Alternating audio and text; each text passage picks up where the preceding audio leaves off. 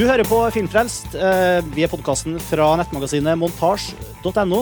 Og I dag skal det handle om filmkritikk. Jeg heter Martin Sivertsen, og med meg over Skype har jeg med meg både, både kjente og nye stemmer for dere som hører på. eh, I hvert fall dere som hører på fast.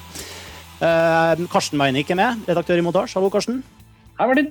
Hallo, Og Lars Ole Kristiansen, vår, eller Lars Ole Anti-Kristiansen, som du kaller deg. Ja, hei. Fra vår filmviter og, og filmskribent på Montasj. Eh, Og Erik Fogel, eh, filmprodusent i Tordenfilm. Hei, hei, hei. Også, hallo, Erik. Også stamgjest. Og så har vi en spesiell gjest i dag. Inger Merete Hobbelstad. Hallo. Hei. Du er kulturjournalist og filmanmelder, og du skriver for Dagbladet, først og fremst. Det stemmer. Det stemmer. Uh, vi skal altså prate om filmkritikk, og, og utgangspunktet liksom, for samtalen i dag er en artikkel som ble publisert på Montasj uh, 1.12. Eh, med tittelen 'Den akutte krisen i norsk filmkritikk'. Og Karsten, det var du som skrev den artikkelen. Og den, en, eh, det er en brannfakkelen av en artikkel. Da, Ja. da går jo egentlig det første spørsmålet til deg. litt sånn, eh, hva, hva er den store krisen i norsk filmkritikk? Det er veldig morsomt. Da må jeg ta en liten anekdote først. fordi dette ble også debattert på Kulturnytt i NRK P2 dagen etter at artikkelen ble publisert. Og da hadde jeg liksom forberedt meg på at det er sannsynlig at de kanskje spør meg først. Men, eh, men jeg er jo ikke noe sånn veldig vant til å sitte på radio og ha ekstremt kort tid til å formulere noe veldig veldig smart. Eh, Og da begynte på en måte hele innslaget begynte sånn superdirekte. Meinick, hva er galt med norsk filmkritikk? Og så var det sånn to sekunders eh, pause før jeg visste hvor jeg skulle begynne å si noe. For det er jo på en måte Hvor skal man begynne? er liksom mitt svar litt. da. Og den artikkelen fikk har tenkt og jobbet veldig grundig med, fordi det er liksom rammene vi har i montasje. at hvis, eh, hvis, går, hvis, hvis vi behøver å gjøre en veldig grundig sak, så tar den den tiden den tar. Så den, den er jo ganske lang, og der går jeg liksom inn på veldig mange punkter. Eh, Så utgangspunktet mitt er at jeg syns det er litt vanskelig å svare kjapt og enkelt på det. da. Men, eh, men kjernen i den artikkelen handler i hvert fall om at jeg syns norsk filmkritikks generelle tilstand, ikke enkeltkritikerets nødvendigvise kvalitet eller mangel på kunnskap eller hva det skulle være, men helhetlig sett, så liksom feltet for filmkritikk i Norge oppleves eh, etter mitt syn som et veldig sånn svakt og litt sånn impotent eh, kritiker, en kritikerstand som mangler litt eh, piff, og, og som ikke har hatt en spesiell Den har på en måte makt, men den evner liksom ikke å bruke posisjonen sin til å tilføre filmkulturen så veldig mye. da. Og for å på en måte bevise, eller for å se og ta temperaturen på dette problemet, så bestemte jeg meg for å analysere alle norske anmeldelser av Bent Hamers 'Hjem til jul'. Eh, nå ble ikke hver enkelt anmeldelse gått inn på detaljert, men et utvalg ble gått inn på ganske detaljert, og så ble, listet jeg opp resten av de jeg hadde lest. da. Eh, så det er liksom et utgangspunktsvar fra meg. Eh, vi kommer til å gå inn på sikkert flere, flere sider av debatten. Jeg tok ikke opp alt i den artikkelen heller, selv om den er veldig lang og, og for så vidt ganske gjennomarbeidet. Så er det også elementer av det man kan diskutere ved filmkritikk som jeg da ikke gikk sånn detaljert inn på. F.eks. spørsmålet om terningkast som vi bruker i Norge, altså vurderingsform. Det nevner jeg, men det er ikke noe jeg går inn på, for det er ikke sånn tomt poeng etter mitt syn. da. Etter mitt syn så er liksom innholdet i en tekst som skal utgjøre filmkritikk, eh, det er jeg veldig opptatt av. Mm. Jeg oppfatter også som et av hovedpoengene dine at, at kritikken var ofte veldig Altså det som var skrevet anmeldelser sånn, ofte At man ofte ikke gikk eh, dypt, eh, veldig nøye inn i Altså at det, var, at det skumma litt overflaten, da, uten egentlig å sette filmene i et større perspektiv eh, og bruke konkrete eksempler fra filmene. At, at det var rett og slett mye, litt sånn, mye svada. Ja, altså, i hvert fall noe, helt konkret så følte jeg liksom at eksemplene fra anmeldelser av Hjem til jul talte litt for seg selv. Det var noen, det var noen anmeldelser hvor, hvor man ser jo teksten helt praktisk foran seg, og så ser man på setningene, og så når man leser det mange nok ganger, så blir det jo litt sånn keiserens nye klær, at man tenker men hva er det egentlig som står her? Mm. Og, det, og det var litt skuffende, synes jeg. Faktisk, noen tilfeller så var det verre enn jeg trodde, fordi hvis man koker vekk og liksom skjærer bort alt som virker unødvendig, så sitter man igjen med veldig lite som, som er et faktisk innhold. da. Eh, Det er liksom å spise en suppe og ikke bli mett, på en måte. Det ser ut som mat, men det, men det er liksom ikke noe i det. Ja. Vi, vi, vi jo, har jo fått veldig mange innspill eh, i etterkant av den artikkelen, og, og veldig mye god debatt i kommentarfeltet vårt. og Der, der pågår jo debatten fortsatt. Men eh, Inger Merete, du hadde såpass mye å si egentlig eh, som, som slags svar på artikkelen til Karsten, at du, du valgte rett og slett å svare på din egen blogg, som, som, som ikke er en blogg. har jeg skjønt. Men, ja, det er, det er en, Norges eneste ikke-blogg, tror jeg. Ja. Ja, jeg hadde lyst til å svare på den artikkelen, fordi dette er jo noe jeg har gjort meg veldig mange tanker om, all den tid jeg, dette er jobben min. Og jeg er litt opptatt av at når vi diskuterer filmkritikk, så må vi diskutere altså Veldig ofte så føler jeg at det som anføres mot filmkritikk, er ting som kritikerne ikke alltid rår med. Eh, fordi vi jobber innenfor visse rammer, og det var bl.a. viktig for meg å påpeke. Eh, men aller først så har jeg jo lyst til å si, som jeg også skrev i bloggen min, at jeg syns det var utrolig gøy å lese Karstens tekst. Jeg syns det er utrolig spennende å bli nærlest på den måten. Som han gjorde. Eh, som Erlend Lo kommenterte i kommentarfeltet, det, det er godt å vite at noen følger med. At man blir overvåka. Ikke sant? det vi filmkritikere kanskje har til felles med de som eh, jobber kreativt på andre måter, det er at vi vil jo ikke at det vi skriver skal være likegyldig. Vi vil jo gjerne at det fremprovoserer et eller annet, altså en lyst til å se noe, virkelig ikke lyst til å si noe, eh, en mening, en lyst til å argumentere mot et nytt perspektiv. Eh, så det at noen tar oss på alvor på den måten, det syns jeg er kjempefint. Og all den tid jeg selv også var den som kom relativt heldig ut av dette her, så har jeg jo virkelig ingenting eh, å klage over. Eh, det var særlig to ting som jeg hadde lyst til å anføre mot eh, det Karsten skrev. Det ene var i forhold til den beskyldningen om at man mangler piff og ikke bruker makten man har. Eh, der lurer jeg på, Er det noe ideal å på en måte bruke makten til virkelig å styrte ned eller heise opp om det ikke er faglige grunner til det? Altså, fordi det er jo slik at det står ikke så dårlig til i norsk film, f.eks., som er argumentet som, som er eksempelet som brukes uh, i denne teksten. Det er veldig sjelden du ser fryktelig dårlige filmer, og det er sjelden du ser veldig veldig bra filmer. Uh, og da blir det galt å gi terningkast to eller terningkast fem bare for å vise seg. Altså bare for å velge ut noen favoritter og uh, noen syndebukker, på en måte. Altså, man mister jo alt hvis man mister sin troverdighet. Man må være ærlig. Eh, og man, der man føler at en film ligger på skalaen, det er der man skal plassere den. Og det er selvfølgelig litt kjedelig for leseren, for det blir uhorvelig mye terningkast fire. Og jeg skjønner at det kanskje virker som om man feiger ut og gir en sånn trygg karakter som man alltid klarer å argumentere for, men i hvert fall fra min side så er det iallfall ikke slik. altså. Det er fryktelig mange terningkast fire der ute. Livet er jo terningkast fire, er det jo noen som har sagt. Um, så for meg er et av de viktigste idealene som kritiker å være ærlig, altså. Og gjøre meg opp min mening og så presentere den så redelig som jeg kan. Men akkurat der, så, ja, jeg, jeg, tror ikke vi, jeg tror ikke nødvendigvis vi er akkurat så veldig uenige på akkurat det. Men Vi kan gå mer inn på senere. Men jeg er jo enig i mye av det du sier nå. Ja. Uh, jeg, jeg, tror det er mer, jeg tror det er mer kanskje liksom blikket på hvor Men la oss ta det senere, så kan du få ta skal jeg fort ta andre, det andre jeg hadde lyst til å si, og det er at ofte når jeg ser innvendinger mot norsk uh, filmkritikk, så etterlyser folk ofte mer. Altså De etterlyser større dybde, flere eksempler og gå mer inn i scenene. Og det er jo litt frustrerende for meg som kan sitte her og si ja, jeg vet, og jeg vil så gjerne gi deg det. For jeg kom jo ut fra en eh, film som jeg har gått til med åpent sinn, og jeg har sittet og notert ved siden av masse detaljer og replikker. Og jeg kan bygge opp mine argumenter, føler jeg, så sinnssykt godt. Men jeg jobber da tilfeldigvis i en dagsavis, papiravis endog, fremdeles. Og der er det jo slik at det er liten plass.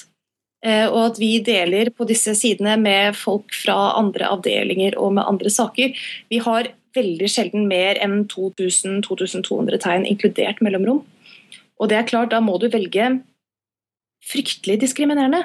Altså Hvis jeg tar med en kommentar om klippingen, så må jeg fjerne vurderingen av den andre eller tredje skuespilleren, kanskje. Eh, altså, du har sjelden rom til å si alt det du mener. Du har ikke rom til å si på en måte litt av det engang. Eh, og nå er det ikke meningen å sutre så voldsomt over det, altså, fordi det er veldig interessant å jobbe sånn. Eh, det virker veldig skjerpende. Du blir nødt til å virkelig prøve å koke det du mener ned til essensen og være tydelig og felle en virkelig dom over en film. Eh, så jeg tror på en måte det er sunt og at man har godt av det, men eh, det gjør også at tekstene iblant blir litt overfladiske. Og hadde jeg vært Gud og bestemt hvordan dette skulle være, så ville jeg sagt at de fleste filmanmeldelser bør være på over 3000 tegn. For å kunne gi en noenlunde grundig vurdering av dette her. Eh, jeg er ikke Gud, og slik er ikke verden. Eh, jeg har lyst til å spille, uh, Lars Ole, du, jo, du, skriver jo den kanskje oss som skriver på montasje, som skriver mest sånn Vi kaller det ikke anmeldelser, vi kaller det egentlig omtaler, vi. Mm. Uh, men du, du, er jo fri for terningkasttyranniet og har i prinsippet ubegrensa med plass. Har du noen kommentar til det? Hva, hva ja. tenker du om det med rette side? Altså, eh, det er jo ikke noe tvil om at den muligheten, altså friheten til å kunne skrive både så langt eller så kort man vil, eh, den har jo vi på montasje. Og det er jo selvfølgelig noe som Altså, det er jo veldig fordelaktig å ha det sånn. Eh, jeg er veldig sjelden på en måte en mann av veldig få ord selv, så jeg er veldig glad i å kunne ha litt plass. Og ettersom jeg også er, er filmviter, da, så så eh, ligger det veldig naturlig for meg å på en måte eh, når, også på en måte bidra med en slags analyse av filmen i selve omtalen. Men eh, det jeg tenker at eh, Jeg tror ikke nødvendigvis det med plass er så avgjørende, da. Eh, fordi at selv om altså jeg, Det merker jeg, for jeg leser Jeg prøver å få med all, all norsk filmkritikk, og jeg merker jo det at altså Det finnes jo mange lange anmeldelser i, i, norske aviser som jeg heller ikke får noe spesiell Som jeg også merker at jeg ikke får nok ut av. da. Uh, jeg tror at det å kunne forfatte seg i korthet og være presis, det tror jeg ikke nødvendigvis er altså det, jeg, det kan bare være positivt. Jeg tror en kort filmanmeldelse på mange måter kan i noen tilfeller være like god som en lang. Men Eh, jeg tror det har mer med Jeg tror det er litt sånn holdningsbasert, da. Eh, det som jeg føler eh, at jeg savner mest ved norsk filmkritikk, er at jeg syns at mange av anmeldelsene koker ned til på en måte anmelderens mening om filmen. Etter at man har lagt frem et handling, handlingsreferat og orientert leseren om hva filmen handler om, så føler jeg at, at liksom på en måte det viktigste er eh, nettopp den enkelte anmelderens dom, da. I VG så skriver de jo til og med handling og dom. Det er helt utrolig at de gjør det, men det er en annen diskusjon. Eh, det jeg savner, er jo mer diskusjon rundt filmene. Altså, jeg syns jo en, en uh, anmeldelse ikke bare skal legge fram hva filmen handler om, og hva man selv synes om filmen. Jeg syns også man skal forsøke å diskutere filmen og diskutere sin egen opplevelse av den. Uh, og det føler jeg at mangler i stor grad i norsk filmkritikk. Jeg syns det er veldig få anmeldelser som er problematiske. Da. Jeg synes det er få som på en måte tar tak i filmen uh, og problematiserer den på en grundig måte. I tilfelle uh, 'Hjem til jul', som da Karsten brukte som et eksempel, det var jo ikke på ingen måte et tilfeldig eksempel. Det var jo øh, Altså, der opplevde jo vi i montasje en, nesten en sånn samlet Vi var nesten en samlet gjeng som opplevde en voldsom forvirring rundt at en film som vi følte var så utrolig dårlig eh, i forhold til hva eh, den burde ha vært, fikk så overveiende god mottakelse i, eh, i, dagspressen. Og det tror jeg har litt med å gjøre at eh, Og jeg, jeg, mener ikke at vi nødvendigvis har rett i at den er så dårlig. Det, altså, man, alle må få lov til å ha hver sin smak. Men det jeg savnet, og som jeg tror også Karsten og flere av oss i montasje savnet når vi så på mottakelsen av den filmen, her, var en diskusjon rundt den. Vi følte ikke at det var noen som virkelig diskuterte Bent Hamer. da, Problematiserte Bent Hamer. Hva slags prosjekt har han? Er det han holdt med? Hvordan passer Hjem til jul inn i hans filmografi? Hva, hvorfor, hvor, hvorfor, er Hjem til jul vellykket eller mislykket? Eh, yes, det ble ikke diskutert, da. Det, jeg tror liksom det oppsummerer det jeg savner veldig mye i norsk filmkritikk. Kan jeg få kommentere det? Selvfølgelig. Eh, jeg har nemlig lyst til å hoppe litt opp på barrikadene her til forsvar for handlingsreferatet. Eh, I, i filmanmeldelser og i anmeldelser som, så, anmeldelser som sådan. Og Det har rett og slett med å gjøre at de aller aller fleste som leser anmeldelsene, har ikke sett filmen eller teaterstykket, eller hva det nå er vi anmelder. Eh, veldig mange, tror jeg, vil gjerne vite litt hva slags fortelling det er, før de kjøper kinobilletter. Så for meg er det av formidlingsgrunner fint å ha med et lite handlingsreferat. og Det gjør også, synes jeg, at når man senere skal begynne å analysere og vurdere, eller, eller på en måte vise til eksempler for analysen man allerede har kommet med, så er det veldig kjekt å ha det rent konkrete motivet som knagger å henge, henge disse betraktningene på. Men, det er men når det er sagt, så er jeg ja, men da skal jeg også legge til at jeg er helt enig i at dette iblant misbrukes. Mm. Uh, og der også må jeg si at jeg kan selvfølgelig når jeg sitter her uttale meg bare på vegne av meg selv. altså Jeg kan jo ikke si hvordan eh, kollegaene mine tenker om i spørsmål som dette her. Eh, men at det kan være et litt sånn latskapsfenomen kanskje iblant at, at det på en måte får svulme opp og ta altfor stor, stor del av denne altfor altfor lille plassen vi har eh, Ja, fått tildelt. Og det, og det er også kanskje som vi burde være mer obs på, det er at man kan faktisk bruke handlingsreferatet til noe. Man kan lade det. Man kan beskrive på en måte slik at det ligger en liten vurdering og en liten analyse også inne i gjenfortellingen eh, av, av selve plottet. Da. Og der gjelder det å være kanskje litt mer bevisst på hvilke teknikker og måter man selv har til rådighet når man skriver. Ja, fordi at jeg tror ikke plassen i seg selv er ikke nødvendigvis uh, hovedproblemet. Jeg tror uh, det er viktigere å liksom, se på hvordan man disponerer den plassen man faktisk har fått. da. Uh, og, det er, og, det er, noen som og det, Som du sier, det kan nok også sikkert i enkelte tilfeller være ren skjær latskap. da, Når man ser at det finnes anmeldelser hvor to tredjedeler av anmeldelsen er et handlingsreferat. Hvis man har fått såpass lite plass, så må man jo forsøke å Jeg tror de aller fleste filmer kan altså Hvis man skal formidle handlingen til leseren av rent pedagogiske årsaker, sånn at leseren skal forstå hva det dreier seg om, så tror jeg man i de aller fleste tilfeller kan koke det ned til kanskje tre setninger. Og så kan man videre i diskusjonen rundt filmen komme fram med noen eksempler som eh, gir merverdi til det ytterst korte ristet som man gir først. Eh, og som kan gi eh, leseren en, en, større forståelse av hva det dreier seg om. Men, men altså, er det er det formessige forskjellige, helt forskjellige kategorier der? Altså snakker vi, liksom, har vi, har vi, er det en forskjell på anmeldelser og, og, på en måte en filmkritisk artikkel om en film? Eller på en måte, som, som er, det, er, det, fornuftig å snakke om det her som forskjellige ting? At anmeldelsen er på en måte handlingsreferat, kort, uh, subjektiv uh, oppsummering og terningkast, og så har du filmkritikk som er noe annet? Eller er det noe begge det er, noen som skiller, unnskyld, det, er, altså det er noen som skiller veldig tydelig på dette her, som er veldig opptatt av at de er, at de er kritikere, ikke anmelder om de skriver på tidsskrifter eller noe. Jeg ser ingen stor vesensforskjell altså, i de to tingene. Altså, det man gjør, er jo det samme. Man prøver å gi en kvalifisert, uavhengig vurdering av et kunstverk innenfor en eller annen sjanger. Eh, noe som er en tilbakemelding både til bransjen eh, og til publikum. Men det er klart at Jeg er enig i det. Det er ikke noen forskjell. Jeg, jeg tror på en måte, ja, Nei, sorry, nå avbryter jeg. Men ja. Nei, det går fint. Men det jeg bare skulle si at jeg tror det, tror det er viktig å være obs på hvilken arena man skriver eh, i, og hvem man skriver for. Altså det er klart, om man skriver, Jeg anmelder jo også teater. og Om man skriver for Norsk Shakespeare-tidsskrift f.eks., eller om man anmelder film hos dere, kan jo være et annet eksempel, så kan man jo tillate seg å gå mer i dybden. Man kan antagelig tillate seg å ha flere referanser. Fordi man kan ta utgangspunkt at de som leser der, i utgangspunktet har en viss dannelse ikke sant? Innenfor, uh, innenfor kunstformen. Uh, og en ganske interesse som er litt over gjennomsnittet. Uh, så det preger selvfølgelig språket og på en måte hvilket sånn innforståtte nivå man legger seg på da, i anmeldelsene. Men i sitt vesen så er de to tingene det samme. Det er jeg også veldig enig i. Altså, jeg syns det er en veldig uinteressant diskusjon egentlig å sitte og snakke om altså, Er det anmeldelse, er det kritikk, er det artikkel? Altså, eh, det er ikke noen stor vesensforskjell der. Jeg tror at de som på en måte skiller på de to tingene, det jeg tror de egentlig mener, er den altså at de vil skille vekk den eksplisitt forbrukerorienterte anmeldelsen fra en, eh, en mer på en måte mer grundig filmkritisk artikkel. Og det er klart at Der er det et slags skille.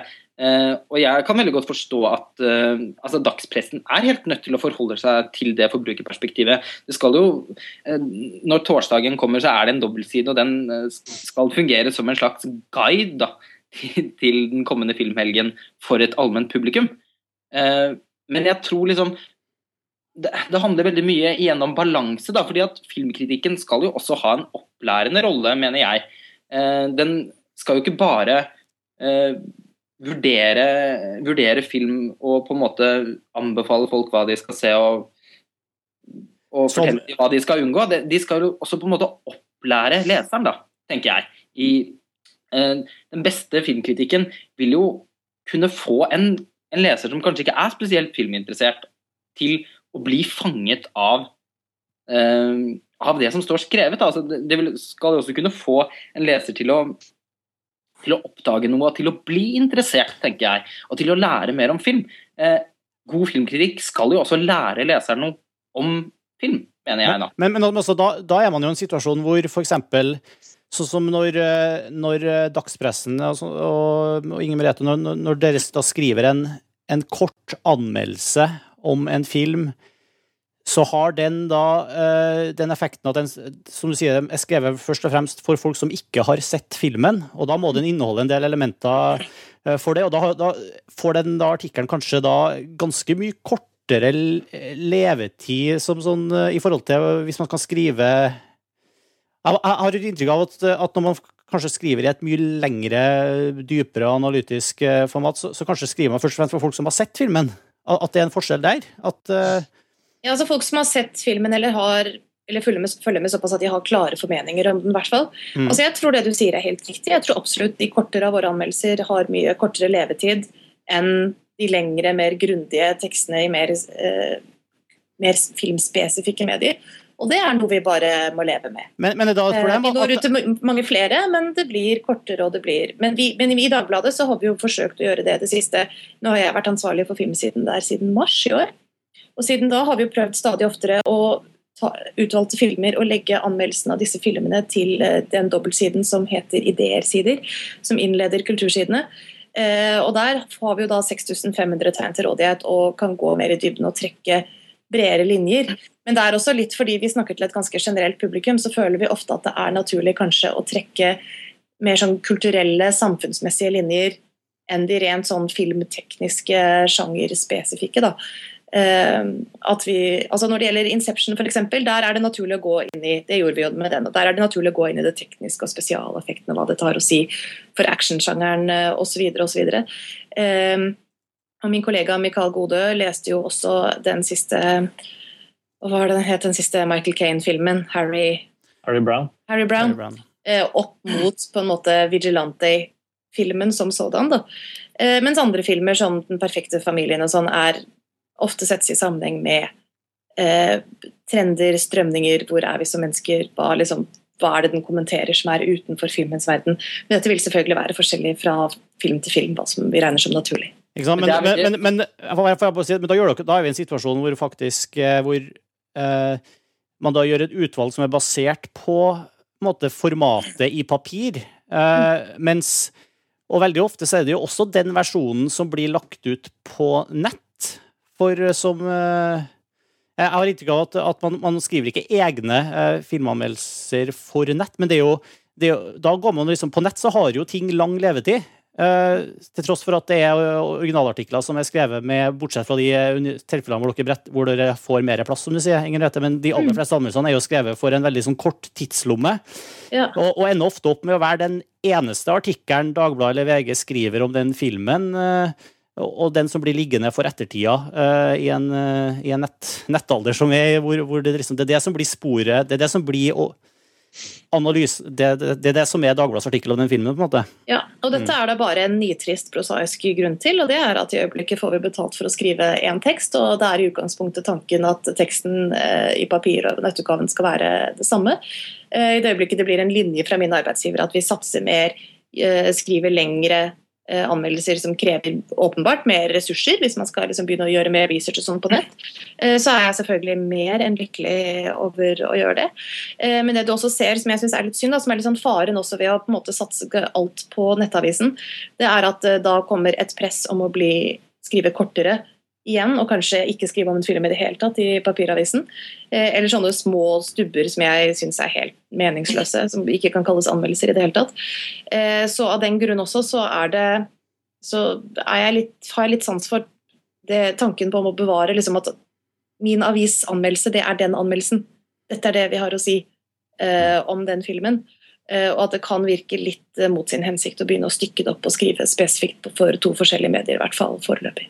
Det, det, har jeg i hvert fall veldig forståelse for. Jeg er veldig enig i det du sier. Og jeg skjønner den frykten din også. rundt at mm. altså, hvis, hvis, det blir på en måte holdningen, eh, mm. da, som du sier, at da kan det hende det ikke blir noen film i det hele tatt i papiravisen til slutt.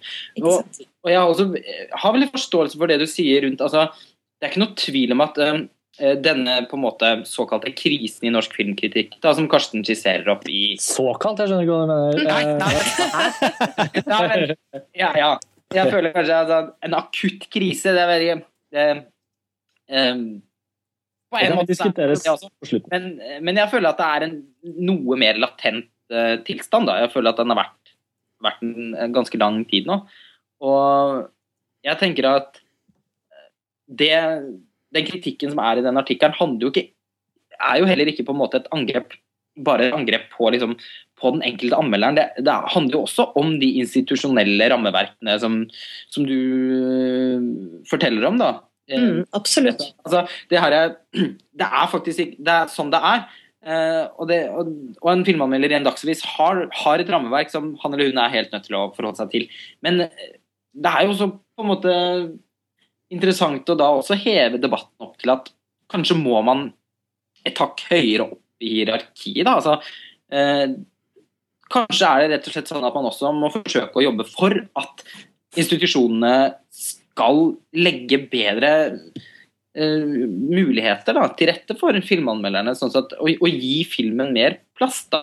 Film er jo kanskje det viktigste kulturuttrykket vi har i vår samtid. Eh, blir sett, film blir sett av utrolig mange mennesker. Det snakkes veldig mye om. Unge mennesker er utrolig interessert i film. Eh, det er på en måte veldig mystisk at det blir såpass nedprioritert i avisene som, som det er. Da.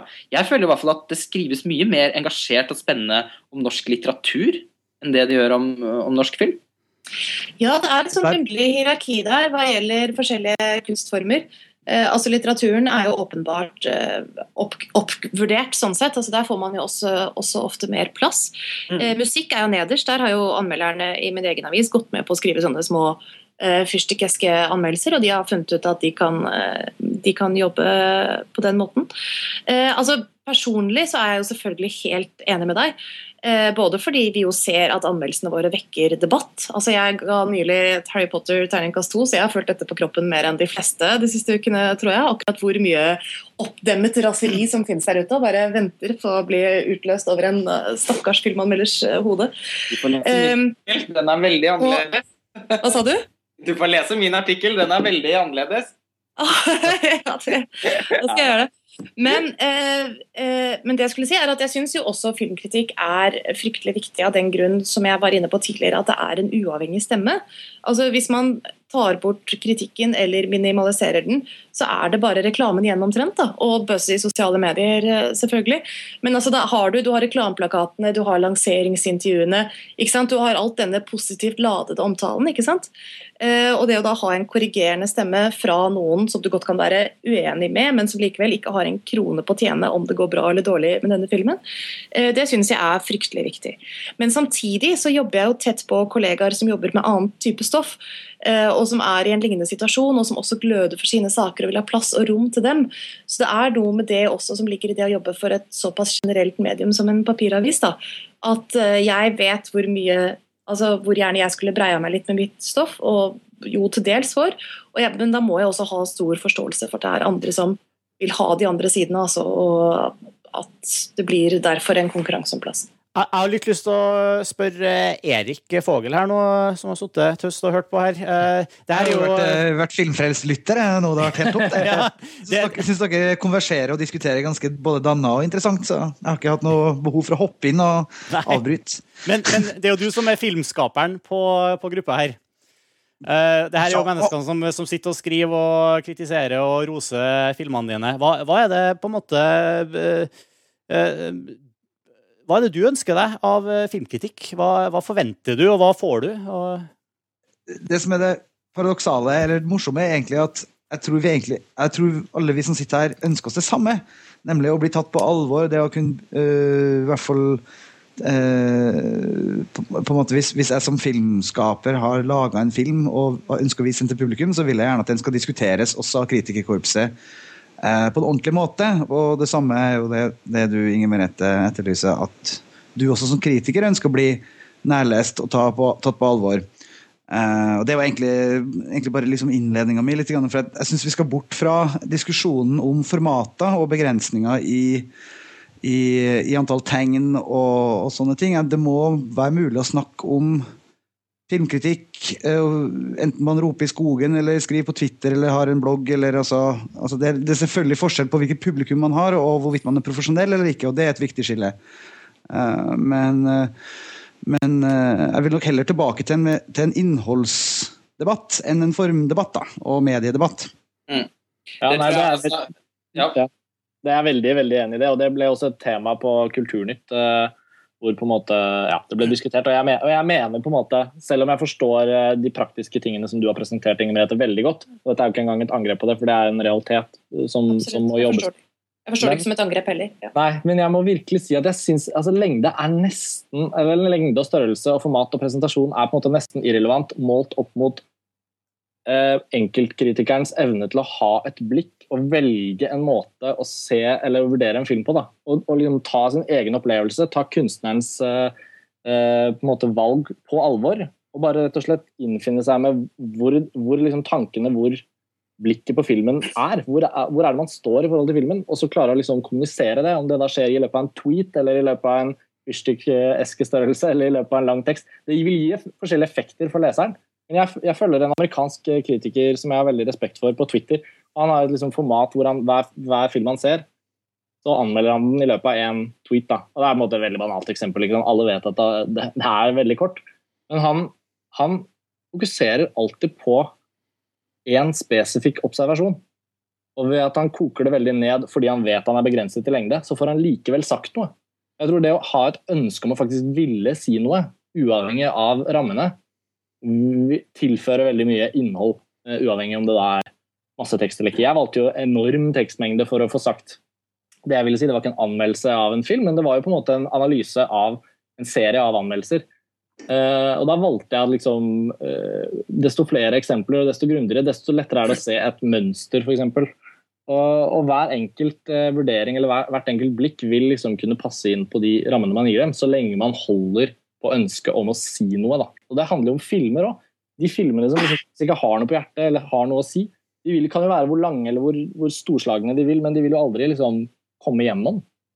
Men jeg ser også det perspektivet du trekker fram, Inger Merete, med at altså, det er veldig mye midt på treet eh, på kino, som det også er i bok, eh, bokhandelen og, og, overalt ellers. Så, så det, men jeg synes Et interessant perspektiv der er jo det som, som eh, i kommentarfeltet på den eh, opprinnelige artikkelen din, Karsten, eh, mm. Karsten altså Svein Inge Sæter, skriver hva om vi ga mer plass til færre filmer? Altså Hva om vi faktisk sorterte ut en del av en del av de uh, filmene som, som uh, kanskje er mindre relevant eller interessant, uh, for å fokusere og analysere mer et litt sånn strengere redigert utvalg. Fordi at man alltid kan finne en, en altså Internett er såpass besnærende lett at du kan finne meninger om film eller andres eller filmkritikk mange steder. Så hvis man i en redaksjon har lyst til å ta et løft, så kunne man kanskje tenkt på det. Er Det noe som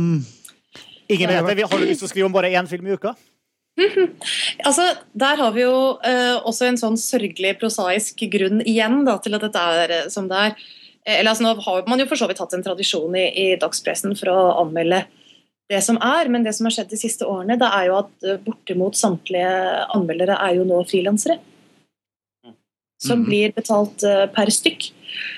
og det gjør at når du først har på en måte fått det oppdraget, da, i hermetegn som det jo er, all den tid vi er to filmanmeldere som vi er da, med en tredje som hopper inn iblant, og fordeler da alt, alle filmene og oss imellom. Så i det øyeblikket vi på en måte har fått det oppdraget der, gå og se den filmen, anmelde den, så er vi på en måte så da får vi betaling for det, og så kommer teksten på trykk, og så er liksom det en slags deal. ikke sant?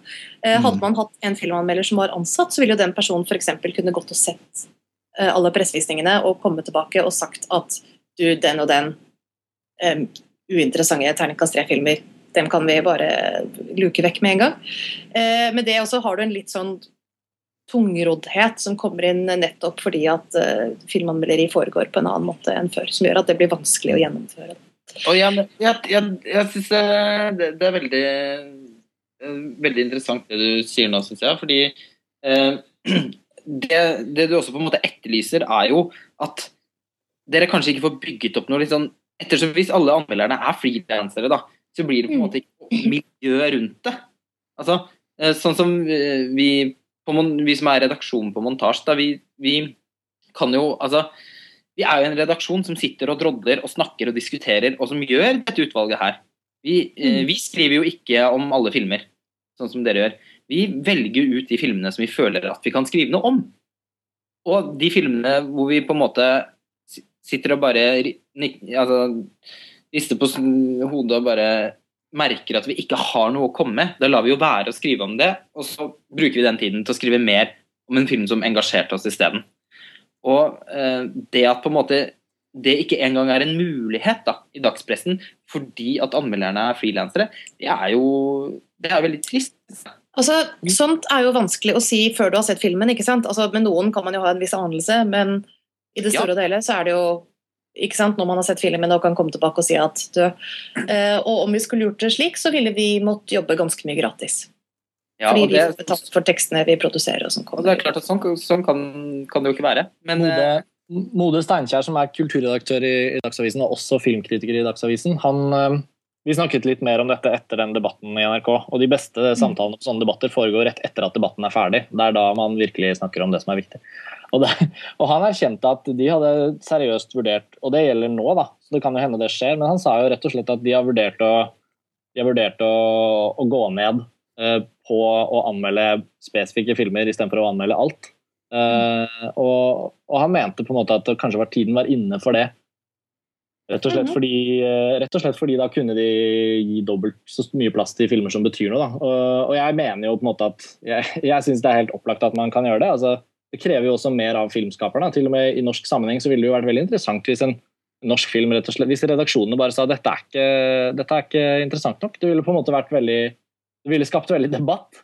Men jeg tror ja. den friksjonen som ville oppstått der, ville også vært veldig interessant. Ja, jeg er på en måte veldig svak for ideen, nettopp fordi jeg også gjerne skulle jobbet litt mer i dybden. ikke sant? Men mm. på en måte, altså nå føler jeg liksom at jeg har sutra en del også i denne podkasten, og det er ikke helt meningen. da. For som jeg også skrev i blogginnlegget mitt, så klarer jeg ikke å sørge meg sånn i hjel over at vi har filmanmeldelser på forskjellige nivåer. da.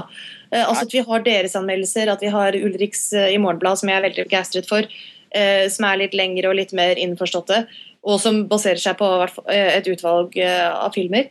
Og at vi har våre anmeldelser som tar rubbel og bit da, på den måten vi gjør. Og for de små distributørene der ute som har importert den rare lille festivalfilmen som ingen kommer til å se uansett, så er det jo antagelig viktig for dem at det kommer noen og ser den og triller fireren. da. Ja. det, var, det var jo et sørgelig tilfelle denne helgen her hvor den greske filmen 'Fortelling 52', som har hatt uh, 18 forskjellige premieredatoer. Ja. Den har jo aldri på en måte, Når kommer den filmen, egentlig? Og ingen har dessverre fått sett den, fordi plutselig så var den jo bare her, uten at det hadde vært pressevisning som vi mm. bare fikk med. Og så, ble den sett av fire mennesker i løpet av premierehelgen. Det var flere som så den på pressevisning enn som ta, tar, og tar den av på torsdag. Det er så bra at ikke engang leit, mennesker gikk og så Fortelling 52. Jo, men sånn, altså, Det er leit, men det er liksom et interessant eksempel, fordi vi snakker jo fremdeles om lille Norge. Hvor det er eh, eksepsjonelle kinoforhold egentlig som gjør at så mange rare, smale filmer ender opp på kino. Og så er det jo enkelte mellomstore filmer som ikke blir tatt inn på kino. Som, er helt, altså som en kunstform så kan man bli helt eh, fornærmet over at en viss type film ikke vises på kino i Norge. Eh, så man har liksom det der balansepunktet der òg. Distributørenes synsvinkel på dette her ville jo selvfølgelig vært veldig interessant. Men eksempelvis for Erik, da, for deg. Hvis, mm hvis, hvis, man ser på mønsteret i norsk filmkultur nå, så det jo, vokser det jo frem en sånn underskog av ganske mye sånn independent-produksjoner. Ja. Som, eh, som, kanskje i større grad vil danne en liten underskog i norsk filmkultur, hvor, det, hvor de er enda mer avhengig av nettopp uh, oppmerksomhet i offentligheten som ikke de kanskje kan betale for. da. Og ja, og, Siden de produserte en, en sånn type film, så ville jo kanskje kritikerne enda blitt desto viktigere, bare for oppmerksomhetens skyld. på en måte. Det kan du si, og med, Når vi står på terskelen til filmåret 2011, sånn med det norske perspektivet, i hvert fall, så er jo det rekordmange titler. Det snakkes om 40 kinopremierer, som da selvfølgelig vil slåss om den samme eh, samme spalteplassen og samme omtalen. Da. Eh, og det er klart at det vil ja, jeg er veldig nysgjerrig på hvordan det her skal gå. Eh, men, men, det er egentlig, der er jeg også inne på noe i forhold til det her med å differensiere mellom nasjonal og internasjonal produksjon. Det er ofte det ting som trekkes opp. det her med at ah, norske kritikerstanden gir eh, altså er for snill med norske filmer og sånne ting. Jeg opplever det egentlig ikke sånn eh, som helhet.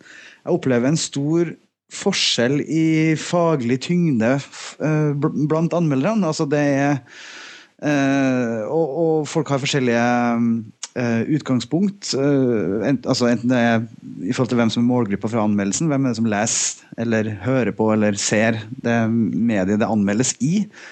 jeg merker en sånn differensiering, men, men, hva tenker du når folk snakker om det, Inger Merete? Det her med at dere er så snille med, med oss? Ja, altså det er en ting jeg lytter veldig til, fordi det er noe jeg selv tenker mye på når jeg anmelder, og det er den delen av Karstens tekst som jeg også tenkte rett og slett en god del over etter å ha lest, uh, lest uh, teksten.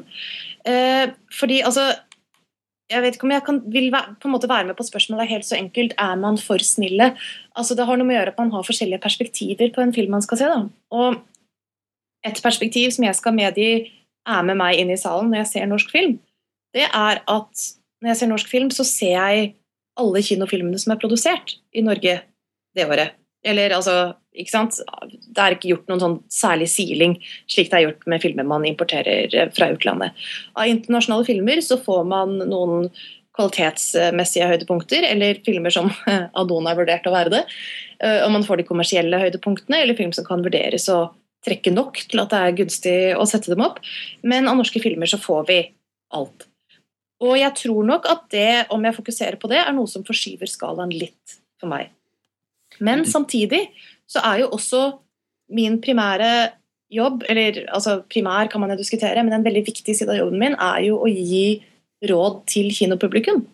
Og prøve å tenke meg er det, vil dette være en god kinoopplevelse for dem. Vil de gå ut av kinosalen og synes de har fått valuta for pengene, at de har fått tilført noe som de syns var fint. Og det er også et ansvar jeg tar veldig, veldig alvorlig. Så hvis det kan sies å være et svar på spørsmålet, så er begge de perspektivene med meg når jeg anmelder eh, norsk film. Eh, men jeg prøver virkelig etter beste evne å være ærlig, altså, når det gjelder norsk film.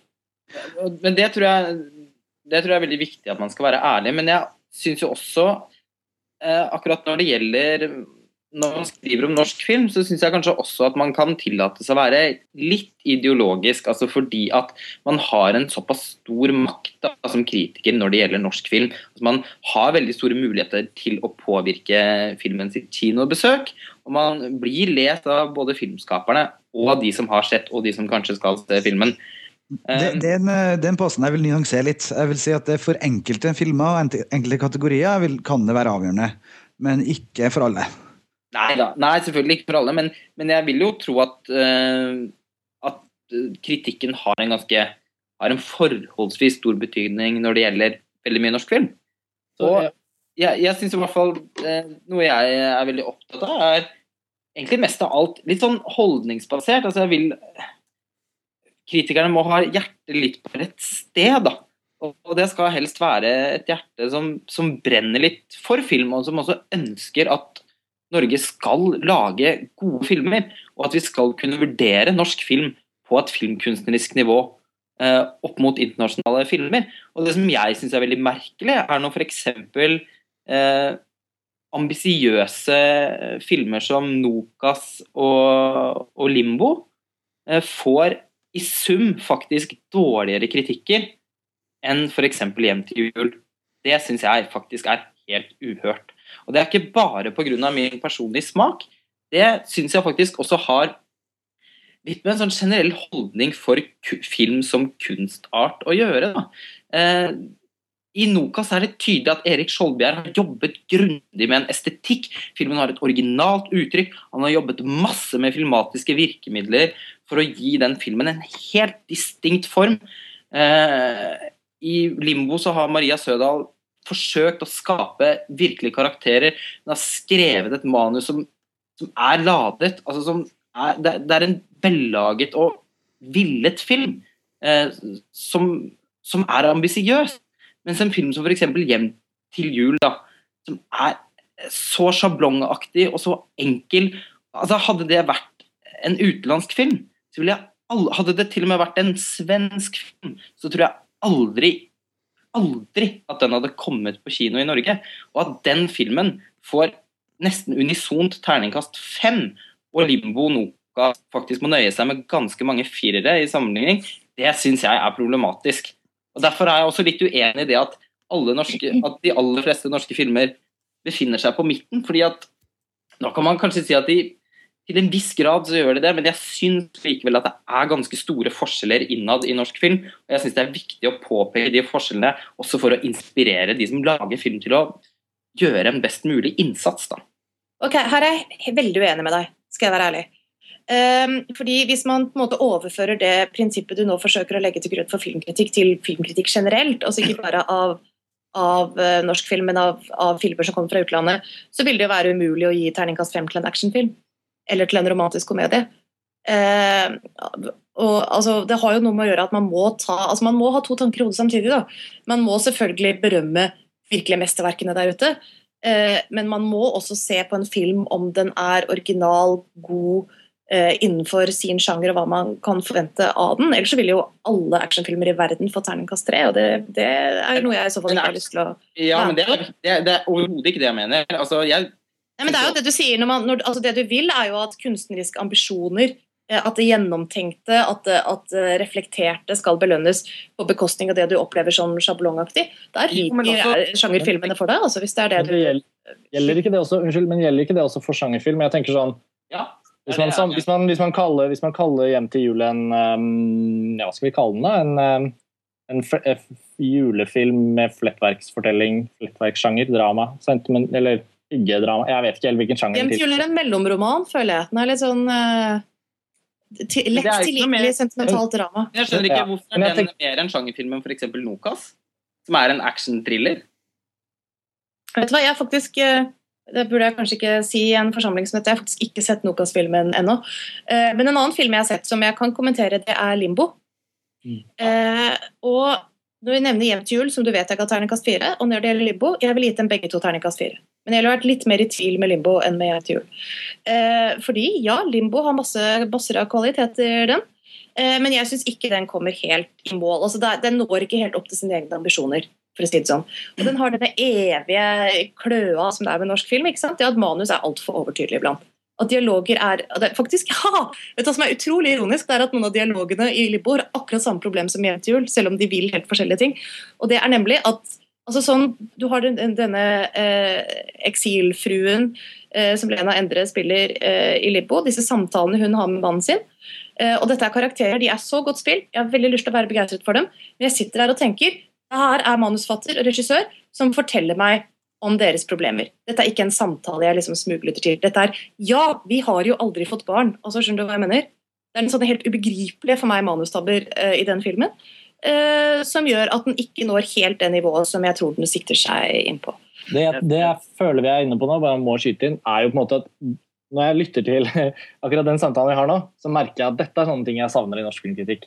At man, at man diskuterer og setter ting opp mot hverandre. altså Dette var ikke noe sånn for å ta din anmeldelse, Inger Merete, men eh, i seg selv da, så syns jeg sånne type ting, å snakke om ting nettopp med utgangspunkt i sjanger, diskutere liksom, er denne kunstnerisk ambisiøs, er den mer kunstnerisk ambisiøs enn det. Jeg liker verken Love Actually eller Hjem til jul, men hvis jeg tenker over det og tenker hva er en sånn Flettverks julesentimentalitetsfortellingssjangerfilm, hva skal den oppnå? Så føler jeg kanskje at Love Actually oppnår det mye sterkere. Folk elsker den tungt. Jeg liker den ikke. Men jeg ser at den som sjangerfilm ser ut til å lykkes mye bedre innenfor det lille, snevre feltet som den deler med Hjem til jul. Og, og det å liksom faktisk ta tak i hva filmene forsøker å være, sånn som jeg føler at dere to nå gjorde med hver deres replikk, da, det er så veldig sjelden til stede i filmkritikken. Og nesten det viktigste jeg da jeg leste min egen artikkel om igjen dagen etter, selv om jeg var veldig demotivert av å lese den en gang til, så følte jeg måtte lese den en gang til og se hvor, hva er det nå. Kjenner jeg Det viktigste det viktigste for meg er at man tar eh, filmene på alvor eh, innenfor kunstarten, men også at man gir selv internasjonale filmer, da, men da er jo sannsynligheten for at de leser de mye mindre til stede. Men at, at, filmskaperne, som en del av kritikernes publikum, virkelig føler at filmen blir satt på prøve på en eller annen måte. Ja, at, det er noe strekke, at det er noe liksom, man testa litt. da. Dette handler jo også om nettopp eh, og Der ble jeg jo tydeligvis misforstått i stad. For, for meg er det veldig veldig viktig å ikke legge opp et eller annet slags sjangerhierarki. Eh, det tror jeg er ganske synlig på montasje også, at vi tar også actionsjangeren f.eks. veldig veldig på alvor jeg mener jo heller det er sånn at man skal også kunne forvente av sjangerfilmen at den også skal kunne ha kunstneriske ambisjoner. Også den norske sjangerfilmen, spesielt hvis den er laget av, uh, av en profilert filmskaper. Så, uh, hvis Christopher Nolan kommer med en ny actionfilm, så man jo, må man jo vurdere den på de premissene. Uh, og der syns jeg jo eh, Jeg syns også det er veldig mye norsk filmkritikk som nettopp ikke tar sjanger helt på alvor. Da jeg husker at Brita Besta Engseth skrev et veldig treffende innlegg i Dagbladet for en tre år siden eller noe sånt, i forbindelse med Transformers. Den første? Eh, ja, den første. Eh, fordi var, Transformers var faktisk en veldig kritikerrost actionfilm i USA. Og som jeg vet at både jeg og Karsten og flere andre hadde veldig stor glede av. Jeg syns det er i sin sjanger en veldig god film. Det syntes tydeligvis også Brita Møystad Engseth. Eh, og hun gjennomgikk på litt på samme måten som Karsten har gjort nå, hvilken mottakelse den filmen fikk i, i norsk presse. Og den fikk jo stort sett to og tre, eh, som sto i skarp kontrast til den amerikanske mottakelsen av filmen. Og det er ikke noe tvil om at amerikanske filmkritikere jevnt over har utrolig mye mer pondus enn en, uh, norske kritikere, rett og slett fordi uh, de ofte har filmfaglig bakgrunn. Da. Og sjangerkunnskap og også referansekunnskap til filmhistorie er noe som jeg merker at jeg veldig ofte savner i den norske filmkritikken. Da. Og jeg kan gjerne se at eh, det kanskje ikke alltid er et like akutt behov for den jevne leser som kanskje ikke er spesielt interessert i film, men jeg mener likevel at det bør være en litt større del av filmkritikken enn det det er i dag. Da. Og Der syns jeg kanskje norsk filmkritikk jevnt over. Jeg synes Det finnes absolutt noen unntak nå, Eh, men jeg syns nok norsk filmkritikk jevnt over var bedre på det for noen år siden, da f.eks. Per Haddal anmeldte film i Aftenposten. Du har blitt gammel nok til å si ting var bedre før? Lars Olav. Wow, men, det her er jo helt drøyt. Jeg begynner å bli en gammel men, men, Og hvor altså- gammel er personen som nå sa at alt var bedre før? Nei, han er bare 24 år. ja, men, du, du starta ekstremt tidlig da, Lars Ole. Men Lars Ole, og, eh, altså, i forhold til med norsk film og særbehandling, og, og når du nevner Transformer her, altså, er det et poeng i at når man skriver om norsk film i, i Norge, så er det veldig høy sannsynlighet for eksempel at uh, Erik Skjoldbjerg og alle de andre som har, eller i hvert fall mange av de andre som har vært med å lage uh, filmen, leser det som blir skrevet om Nokas, mens vi, når vi skriver om Transformers her i landet, så er det ganske lav sannsynlighet for at Michael Bay faktisk leser den, og at man da som skribent eller anmelder eller kritiker tar, har det i bakhodet hele tida når man sitter og formulerer seg. Ja. Uh, jeg tror ingen, ingen, ingen anmeldere med respekt for seg sjøl vil vel innrømme det. Altså, det mener jeg jo at uh, hvis jeg hadde vært Michael Bay uh, Det er jeg jo ikke. men jeg hadde jo kommet til å gitt fullstendig blanke. Uh, filmkritikere er uavhengig. Må være det. Jeg skjønner ikke Nei, jeg snakker om fra noen anmeldere nå. Sitter, ja. altså, I forhold til at Norsk Film får særbehandling, at det er et poeng her at man faktisk gir en eh, slags tilbakemelding til bransjen som man ikke gir når man skriver om ja, altså, vi, er jo, vi er selvfølgelig uavhengige uh, i den forstand at som jeg har vært inne på flere ganger her, at det er en helt oppriktig dom, det vi feller. Uh, altså jeg prøver, altså, som sagt, Etter at jeg leste artikkelen til Karsten, så jeg prøvd å gå i meg selv, som man jo skal gjøre iblant, har jeg hørt. Det er sunt.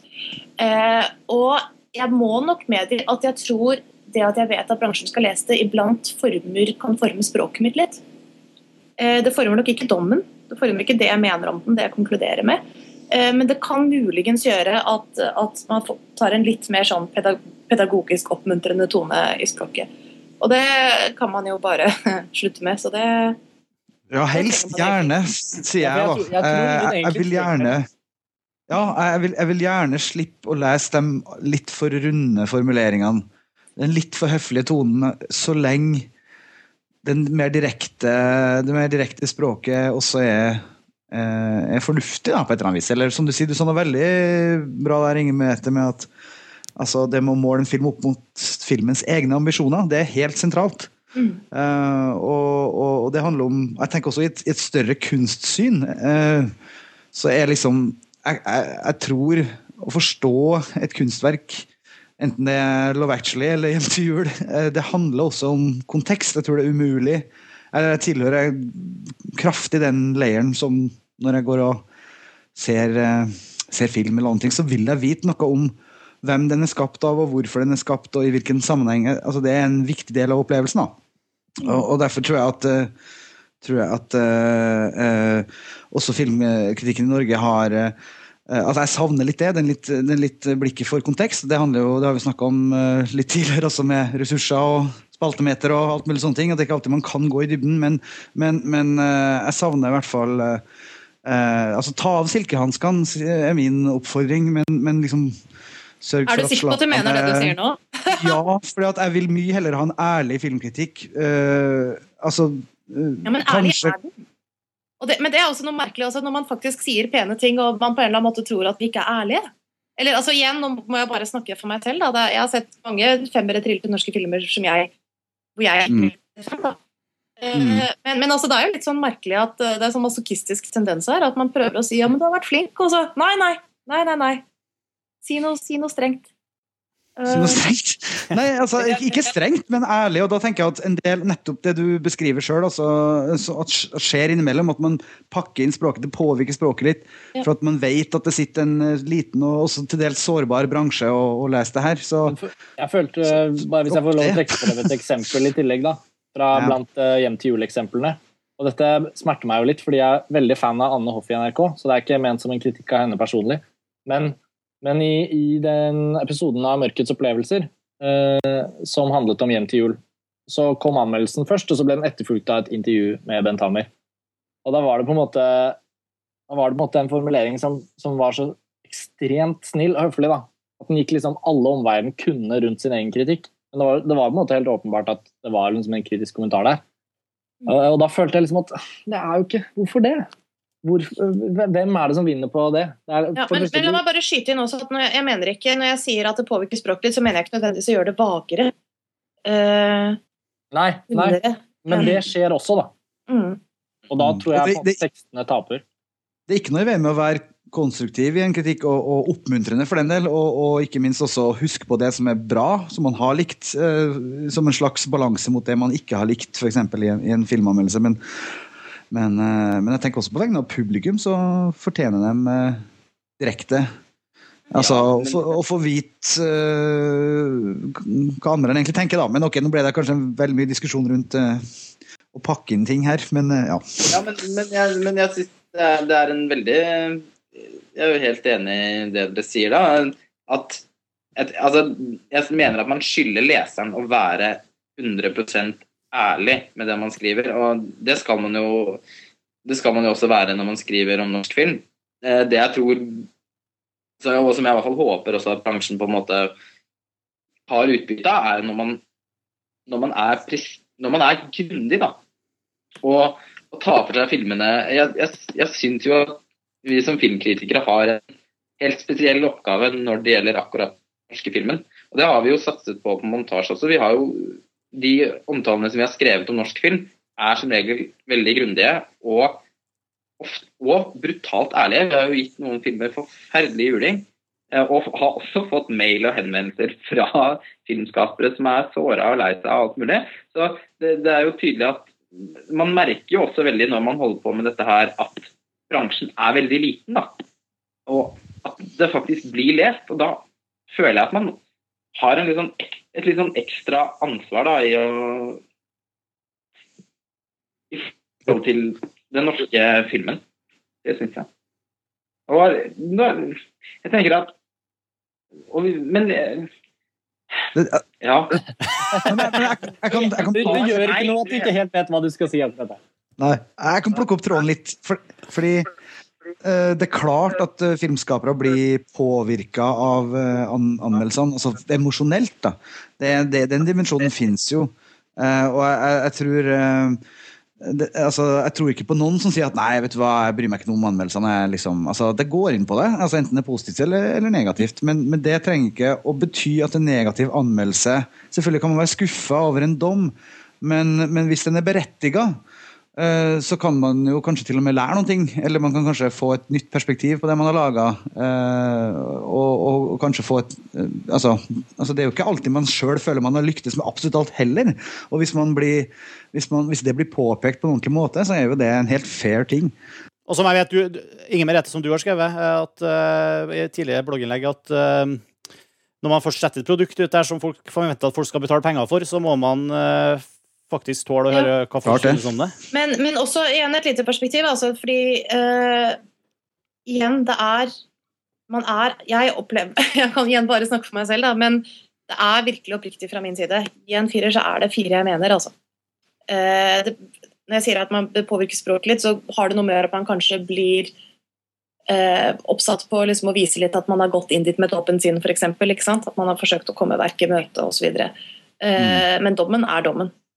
Og så hender det jo selvfølgelig at det er altså Det hender jo man anmeldere som alle andre at det hender man gjør ting man angrer på. Det hender man har et terningkast eh, man ser skulle vært én opp eller ned.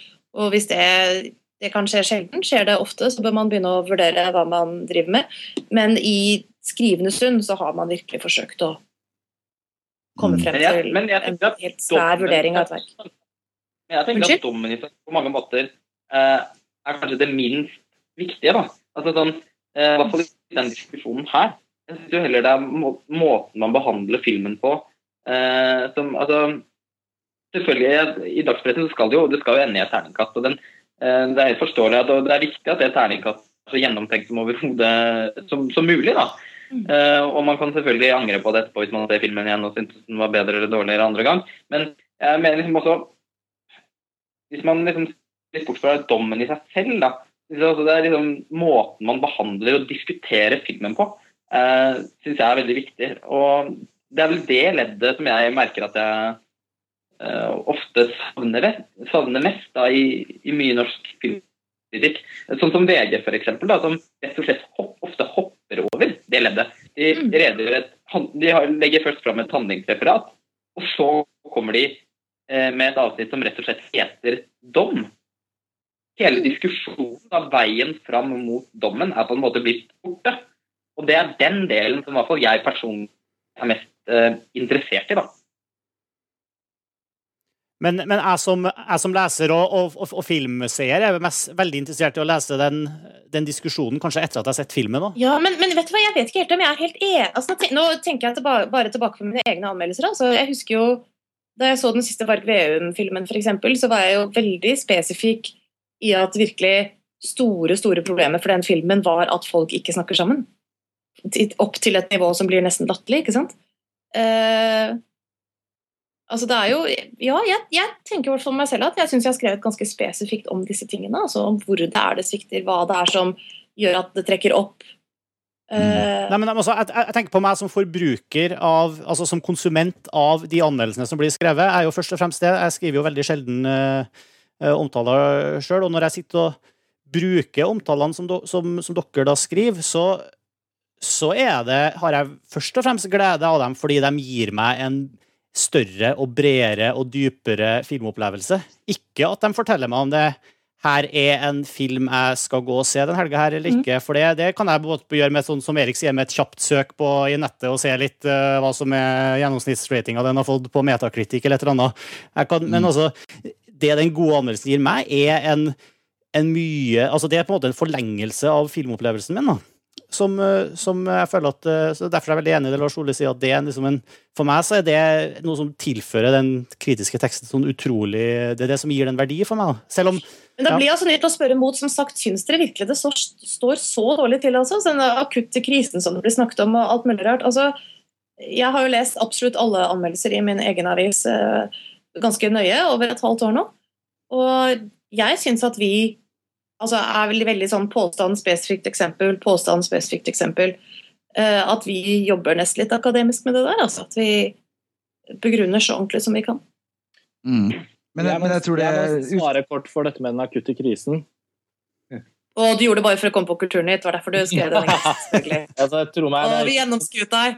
Tro meg, det er ikke noen spesiell glede knyttet til å sitte på radioen klokken åtte om morgenen og snakke om noe man har brukt uh, type 21 000 tegn på å få presist. Uh, så nei.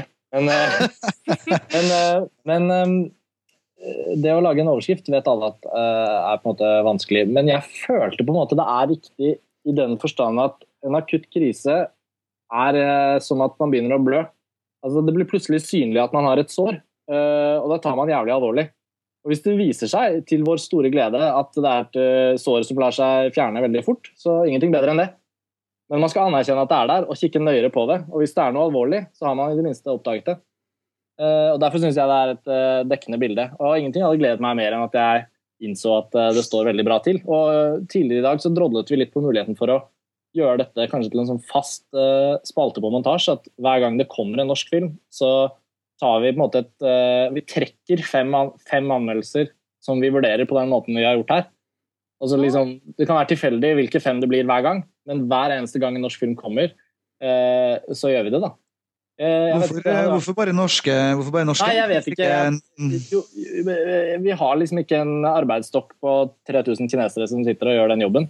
Nei, nei, men, nei, men dere kan likevel vel ta et utvalg, to filmer i måneden f.eks., og så la det være en norsk og en utenlandsk, eller et eller annet for å, for å Vi har fått veldig mye tilbakemelding på bare det at, det at, noen føler at de faktisk blir lest. da. Filmpolitiet, politiet! Jo, men ikke sant? Og det, er, det, det kan bli en fryktelig teit posisjon å være i, og, det er ikke sikkert du kommer til å gjøre det. Men jeg synes det er interessant å snakke om at hvis man bare hadde den lille spalten løpende, da, så rett og slett bare var en og nok en gang så er jeg veldig tilhenger av på en måte veldig Who's watching the watchers? Altså, jeg, merker at, jeg merker at egoet mitt svulmer jo ved denne tanken over å bli gjenstand for denne typen oppmerksomhet. Men samtidig så føler jeg at jeg må si at det viktigste fokuset må jo være på filmen i seg selv. da. Ja, ja, ja. Altså, eh, altså, noe, samtalen om kritikerne må ikke ta over for samtalen om filmen. Det er, det er helt det er, det, Og samtalen om kritikerne, etter mitt syn, handler jo om at det er samtalen om filmen som etterlyses.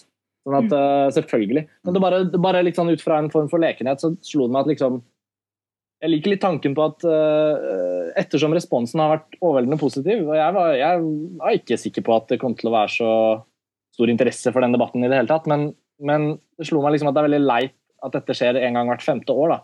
Mm. Uh, og at uh, forhåpentligvis uh, jeg vet, Filmkritikerlaget er en organisasjon vi i Montasje har veldig, veldig lite innsikt i og kjennskap til. Og nettsiden deres er liksom fra 2003.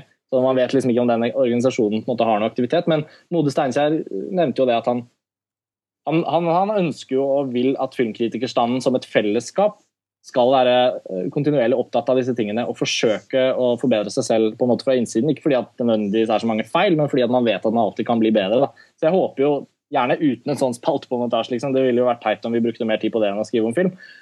Men at man holder dette litt ved like, det, denne samtalen, og liksom krever litt av hverandre også, det syns jeg er veldig viktig. Mm. Og så tror jeg det kunne vært interessant å gjort uh, det samme, men med da en internasjonal film. For det er ikke noe tvil om at det at, uh, at du brukte en norsk film som et eksempel, gjør jo også automatisk altså Det merket jo vi også nå når uh, du og jeg Merete, begynte å diskutere en norsk film, og graden av kvalitet og innbyrdes uenigheter om kvaliteten i norsk film. Eh, så blir jo det på en måte et, nesten et litt forstyrrende element da, for mm. selve kritikkdebatten.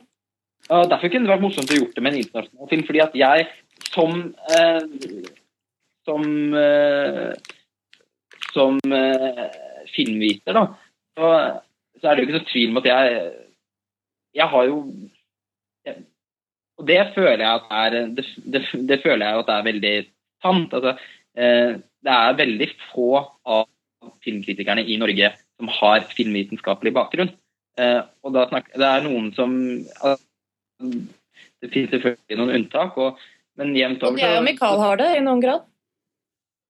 Ja, eh, men, ofte, men, veldig ofte i liten grad. Syns jeg det er ofte sånn grunnfag eller mm. eh, hatt det som et sidefag. Jeg har en, skriver en masteroppgave i filmvitenskap, og det er for, altså, det er ganske stor forskjell på, på, på en måte det faglige nivået på, på ett år og fem år. Og jeg tror ja, ja. vi faktisk har den, har den, utdannelsen i Norge.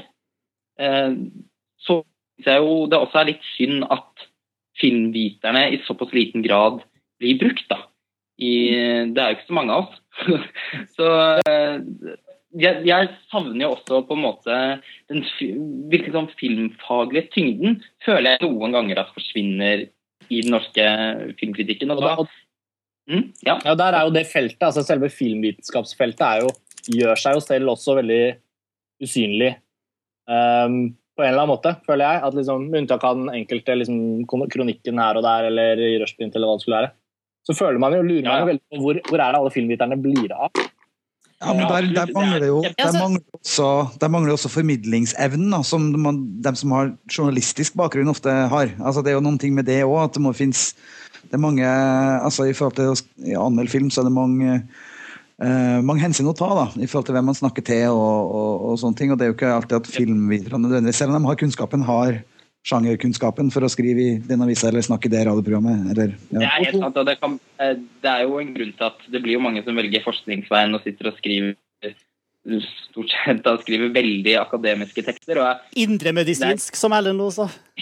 ja, for ikke om film. Så, og jeg har full forståelse for det, og jeg vet også, akkurat som Karsten sier, at filmvitenskapen er også veldig introvert. altså Den inkluderer seg selv veldig lite. Den gjør seg selv litt ubetydelig. Jeg forsøker jo For meg er det en slags kampsak da, å gjøre noe med det. så Det blir på en måte nesten en diskusjon utenpå det andre igjen. Men Eh, men når vi har faktisk har filmfaglig kompetanse her i, i landet på et akademisk nivå, så syns jeg også eh, det er synd at det på en måte ikke blir brukt i litt større grad i hvert fall enn det det gjør eh, i dag i, Altså- i dagspress. De filmviterne som finnes der ute, som ville ha en penn som ville passe til det formatet som f.eks. jeg skriver i, ville jo vært eh, fabelaktige filmanmeldere, tror jeg. Jeg har jo for eksempel, forresten to eh, ekskollegaer fra tiden jeg var filmanmelder i Spirit, som har blitt forskere ved, ved IMK, eh, og som åpenbart har begge deler, da, altså den evnen til å skrive en 1500 tegns anmeldelse, eh, og til å jobbe med dette på et høyt eh, akademisk nivå. Men, men bare da ut til alle de frustrerte filmviterne som sitter der ute og føler at de ikke blir sett. Eh, redaktørene kommer ikke til å lete dere frem og plukke dere ut av buskaset og gi dere en dobbeltside på trykk, altså. Eh, de filmanmelderne som vil inn i dette formatet, dagspresseformatet, med alt det innebærer av jobbing med litt sånn spissede ingresser og relativt korte formater, og ikke minst den veldige hurtigheten vi jobber i, som man må være komfortabel og avslappet med om man skal jobbe på denne måten, så må de melde sin interesse for det selv. Altså. De må opparbeide sin erfaring, og de må kunne overbevise eh, arbeidsgiverne om at de er, de er gode på jobben. Det skjer ganske sjelden at eh, redaksjonene går og leter innenfor akademia etter noen som kan egne seg til anmelderstillingene deres. Det går mer i ganske mye nærmere sirkler eh, rundt det. Rundt dem. Det, det, det er nok veldig sant. Nå håper jeg folk hører dette her da, og tar oppfordringen på alvor. Eh, jeg er jo i den posisjonen at da er, altså jeg er med i redaksjonen i Montasje, og jeg får jo faktisk skrevet kritikk. Eh, Jeg håper at ingen andre redaktører hører på det her og kommer og kontakter deg. Ja. Nei, det Men de savner- de det. er Oi, det. Erik, Erik, du er Erik, datarobot, ja. Kan du, Erik, kan du prøve bare å trekke, trekke ut USB-pluggen og sette den inn igjen? Ok! Og han høres ut som en sånn syk sånn Det er litt sånn lys, lightsabers i lufta-lyd eller noe. Det er, eh, Nei. Vet du. altså, vi har hatt noen tilfeller tidligere hvor det nesten har blitt lydkunst av det. Ja, ikke Så vi bare alle skulle stoppet å snakke, og så skulle du si morsomme, rare ting på, på Si, 'join the dark side'. Join the Ja, dark side. absolutt. Men, jeg hadde lyst til å komme med en liten oppfordring her, for jeg tror vi alle som sitter rundt dette virtuelle rundebordet her, kan være enig i en sånn slags sånn oppfordring til redaktører om å, om, å, om å prioritere filmkritikk, eller i det minste ta opp, ta opp eh, debatten eh, i sitt, sin redaksjon, sitt medium. Det er ene sida ja, som jeg tror vi har snakka oss fram til at vi er ganske enige i at eh, man må liksom gi det plass også. Men den andre sida også det at jeg håper at filmkritikerne også tar debatten videre i, som det ble nevnt, Filmkritikerlaget og, og andre steder. Har dere noen arena for å snakke fag, eh, Inger Merete? Eh, Litt for få, syns jeg. Så jeg syns det har vært fryktelig morsomt å være her eh, i kveld, i hvert fall. Og snakke med en sånn eh, kvalifisert kjekling. eh, Ja, ikke sant? for- for. Så eh, flere arenaer det har for vært at kritikere kan snakke litt i munnen på hverandre. Eh, vi, jeg, liksom, det jeg synes det var artig at Brita Møystad Engseth ble sitert her i stad. Uh, hun, hun er jo, eh, som kanskje mange vet, litt sånn kjent for sånn spesiell form på anmeldelsene sine. Noen vil si humoristisk, andre vil si litt flåsete. Men uh, hun, hun ble konfrontert med det her eh, på en artikkel i Byavisen, eh, hvor hun da svarte at eh, Hæ? Sitter det voksne mennesker og debatterer dette? Da Ja. snakka om om oss. vi om oss, og det er en av grunnene til at ikke hun ble invitert her, selvfølgelig. Ja. Uh, det kan jeg se. Men hun- Men hun jobber jo ikke strengt tatt som en filmkritiker for øyeblikket, da, vil jeg mene. Altså, Med et kort uh, sveip på den bloggen hun skriver for tiden, så er det jo på en måte noe annet. da. Hun sier Ja. det også, jeg driver med underholdning. Altså, det hun gjør, er underholdning i seg selv, i hennes øyne. Og, og jeg ville på en måte bare ikke tatt det så på alvor. da. Jeg syns det er synd selvfølgelig at hun uh, harselerer med en film helt retningsløst, sånn at uh, filmen, og jo da en norsk film, som på en måte blir blir tatt så lite på alvor at det nesten er latterlig i seg selv. Men uh, ja. Ja, Det- vi, vi skal ikke diskutere, det var bare, jeg synes det var en fin sånn avslutningssitat. Men, men, men, Men Lars Ole er bare 24, så vi er ikke så voksne. Vi er jo ikke det. Jeg er en giftling. Eh, men for, for, for å bare nyansere dette med Brita Mesta Engseth litt, da, så er jo at Da er det som Karsten sier, at hun driver jo på en måte ikke med, noe sånn, med noen skikkelig filmkritikk nå. Eh, og det mener hun jo tydeligvis ikke at hun gjør selv heller, ettersom hun driver, sier at hun eh, driver med underholdning. Men Brita Mesta Engseth var jo eh, kulturredaktør i Dagsavisen for en del år siden, og, og skrev jo fast i Dagsavisen om film. Og hun var jo faktisk også eh, til tider en helt briljant filmkritiker. Eh, og Brita Meister Engseth har stor eh, filmfaglig bakgrunn. Har veldig mye kunnskap, og eh, hun dro kanskje den flåsetheten sin litt for langt i eskalerende grad. Men den gangen altså, Brita var på sitt beste, da, så skrev hun jo noe av det beste jeg har vært borti, i hvert fall av norsk filmkritikk. Og hvis jeg skal komme med en sånn siste appell til norske filmkritikere, da, både fordi eh, jeg jo skriver filmkritikk selv, men da også er, eh, er eh, filmviter, da, så er det at jeg syns det er veldig viktig at når man på en måte tar vervet på en måte da, som en anmelder, uansett hvor det er, så syns jeg i hvert fall det er veldig viktig å gjøre seg kjent med filmhistorien. Altså å, å kunne komme med de presise og gode referanser, sette filmen inn i en, inn i en kontekst, både en kontekst eh, altså Sette filmskaperen inn i en kontekst, altså se filmen i lys av tradisjoner som har vært operative. da, eh, Se filmen som et kunstverk i eh, et litt sånn historisk perspektiv. Til og med den nye filmen som har premiere fredag, og som kanskje ingen har altså Som kanskje er laget av en ukjent filmskaper, men som bærer i seg noen trekk da, som gjør at den fortjener å bli behandlet på en litt grundig måte. Og jeg opplever veldig ofte når jeg leser uh, norsk filmkritikk, at den er litt historieløs. da. Uh, og et godt eksempel Nå, nå skal jeg være litt føre var her. Nå, En veldig lang konklusjon. Kjempelang konklusjon, som er så dårlig på å fatte meg kortet. Ja, eh, men jeg eh, I går så var vi jo og så en førpremierefilmen 'Black Swan' av Darren Aronofsky. Eh, som var en helt fantastisk film. Nå skal vi ikke si mer om den. Eh, den diskusjonen kan vi ta en annen gang. Men jeg må jo si at det er en sånn typisk film hvor jeg sitter og er spent på Uh, Ikke bare på mottagelsen sånn rent sånn hva kritikerne synes om filmen, det er på en måte én ting. Jeg er veldig spent på hvordan, hvor de plasserer filmen. Eh, fordi eh, Black Swan er en film som åpenbart refererer utrolig mye til filmskapere som Roman Polanski og Brian De Palma, til Dario Argento, Carrie, Paulo Pressburger. Eh, den har liksom Og den, den er på en måte veldig Den slekter veldig på, på veldig mye B-film. Det er en veldig sånn sammensatt filmopplevelse. Eh, og i tilfeller som da en film Black Swan, som riktignok ikke har blitt mottatt av norske kritikere ennå, så er det veldig ofte jeg opplever at de elementene der skjæres bort da, fra anmeldelsene. Og da opplever jeg det ofte som litt sånn historieløst. Det er ingenting er mer deprimerende å tenke på enn at den filmen der kommer til å ende opp som en sånn lesbesex-fokusert film, f.eks. Ja. Altså, det er worst case scenario. Men ok. Ja. Vi, vi, eh, vi den, den saken om lesbesexen kommer, og den skal, kommer til å skaffe oss utrolig mye klikk på dagbladet.no, og det vil være de pengene som finansierer store deler av mitt arbeid. Men Inge Merete, den saken, lesbesex-saken ligger på Dagbladet allerede. Jeg leste den i dag. Ah, ja, selvfølgelig. Alltid foran. Ja, ja. Vi håper at gjør at du får én side til å skrive på.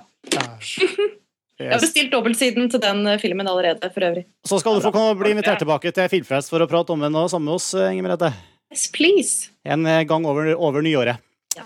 Vi, vi skal litt videre i sendinga for, før, vi, før vi runder av her. Vi har som alltid en konkurranse. eh, Og for nye lyttere og for deg, Inger Merete, som ikke har vært med på det her før, så, så er det, vi spiller rett og slett et lite klipp fra en film. Og så er det da opp til dere som hører på, å gjette hvilken film vi spiller klipp fra. Så da kjører jeg det Skal vi ta ukes Nei, Ja, ja, sorry. Ja. jeg gjør det, vet du. For, for, forrige uke så spilte vi det klippet her. Så bare hør etter.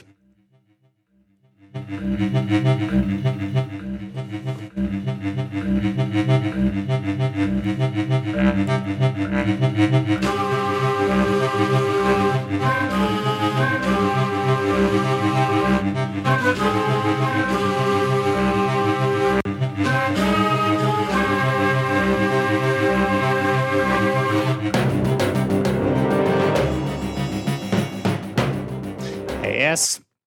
Det var forrige ukes eh, konkurranse. Eh, Jeg vet jo at eh, mange dro kjensel på det da, i, i panelet da jeg spilte den sist uke. Erik og Inger Merete, kjente dere igjen den? den Jeg er ikke på, ikke på nett med det her. Nei. Da får vi bare, slett bare gå til den av våre lyttere som faktisk Det var mange som gjetta riktig her, faktisk. Vi har plukka tilfeldig igjen av dem. Asle Tømmerstrand har ganske riktig påpekt at det her er fra Polanskis eh, film av året, 'The Ghost Writer'. Å, selvfølgelig! Her er Herregud. Alexandre Desplas eh, kjennings... Eller tittelspor til den filmen. Um, Den burde jeg tatt, altså. Ja. Sverte òg. Så veldig bra. Nå er det bare rett ut av vinduet. Så lett. Vi legger på, vi. Så lett var det å ta, ta bort den. Uh, men uh, en T-skjorte på vei til deg, Asle, og montasjeskjorte. Og han har faktisk et ekstraspørsmål i, i mailen sin her.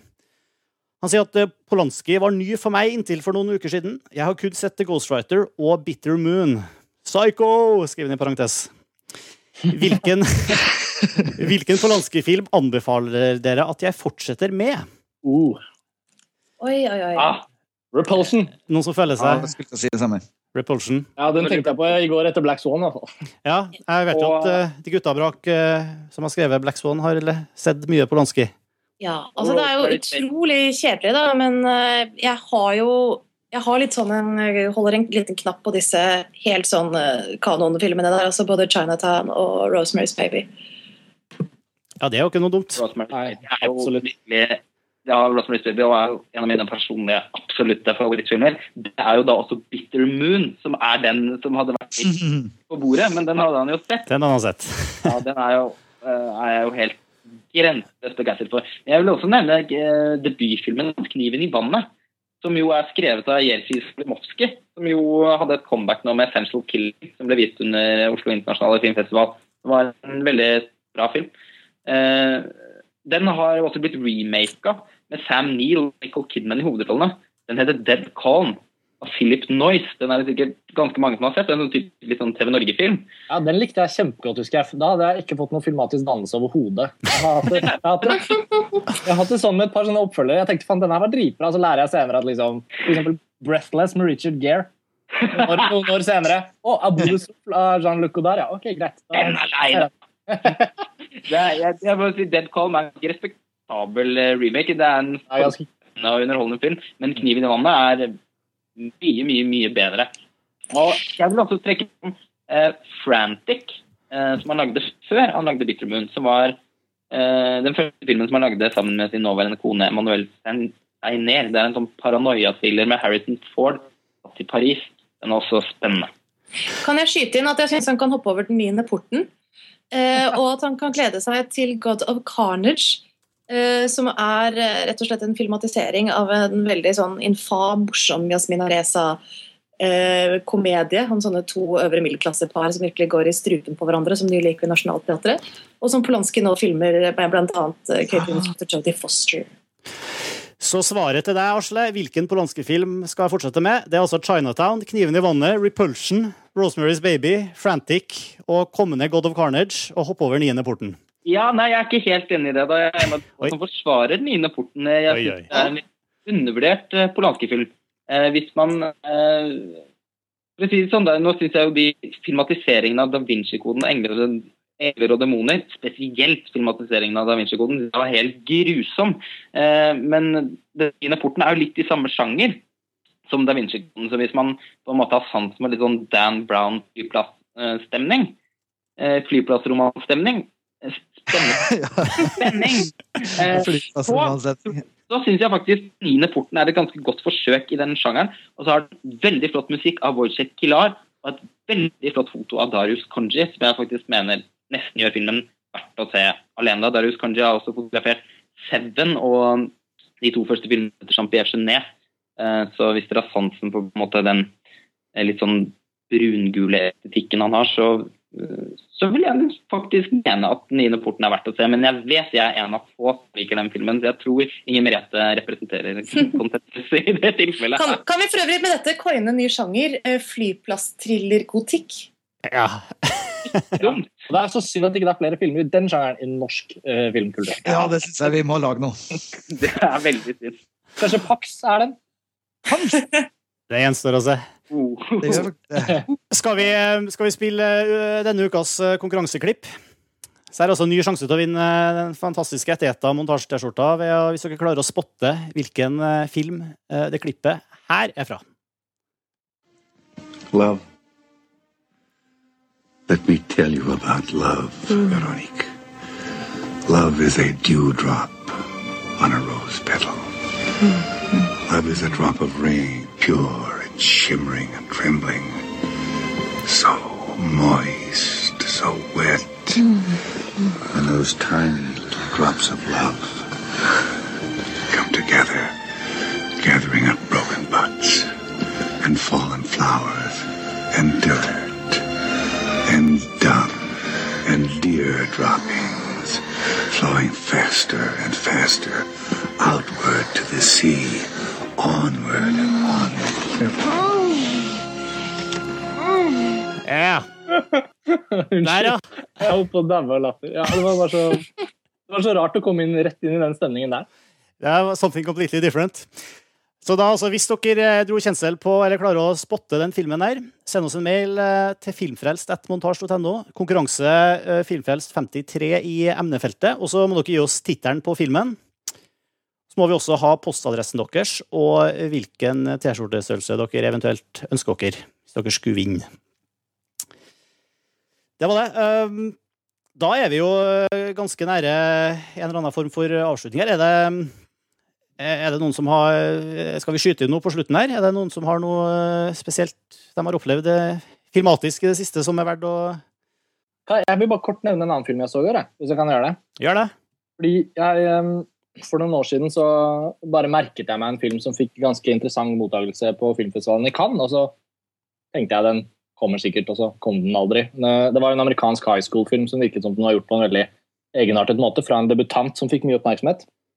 Og ikke bare ikke kom den på norske kinoer, men den, den forsvant litt. Bare sånn, den bare dukket ikke opp på DVD noen steder. og det ble veldig rart. Det er en film som heter After School, som er regissert av en uh, ung um, Han er veldig merittert som kortfilmskaper. Antonio Campos heter han. Og han fikk da sin spillefilmdebut med denne filmen i 2008.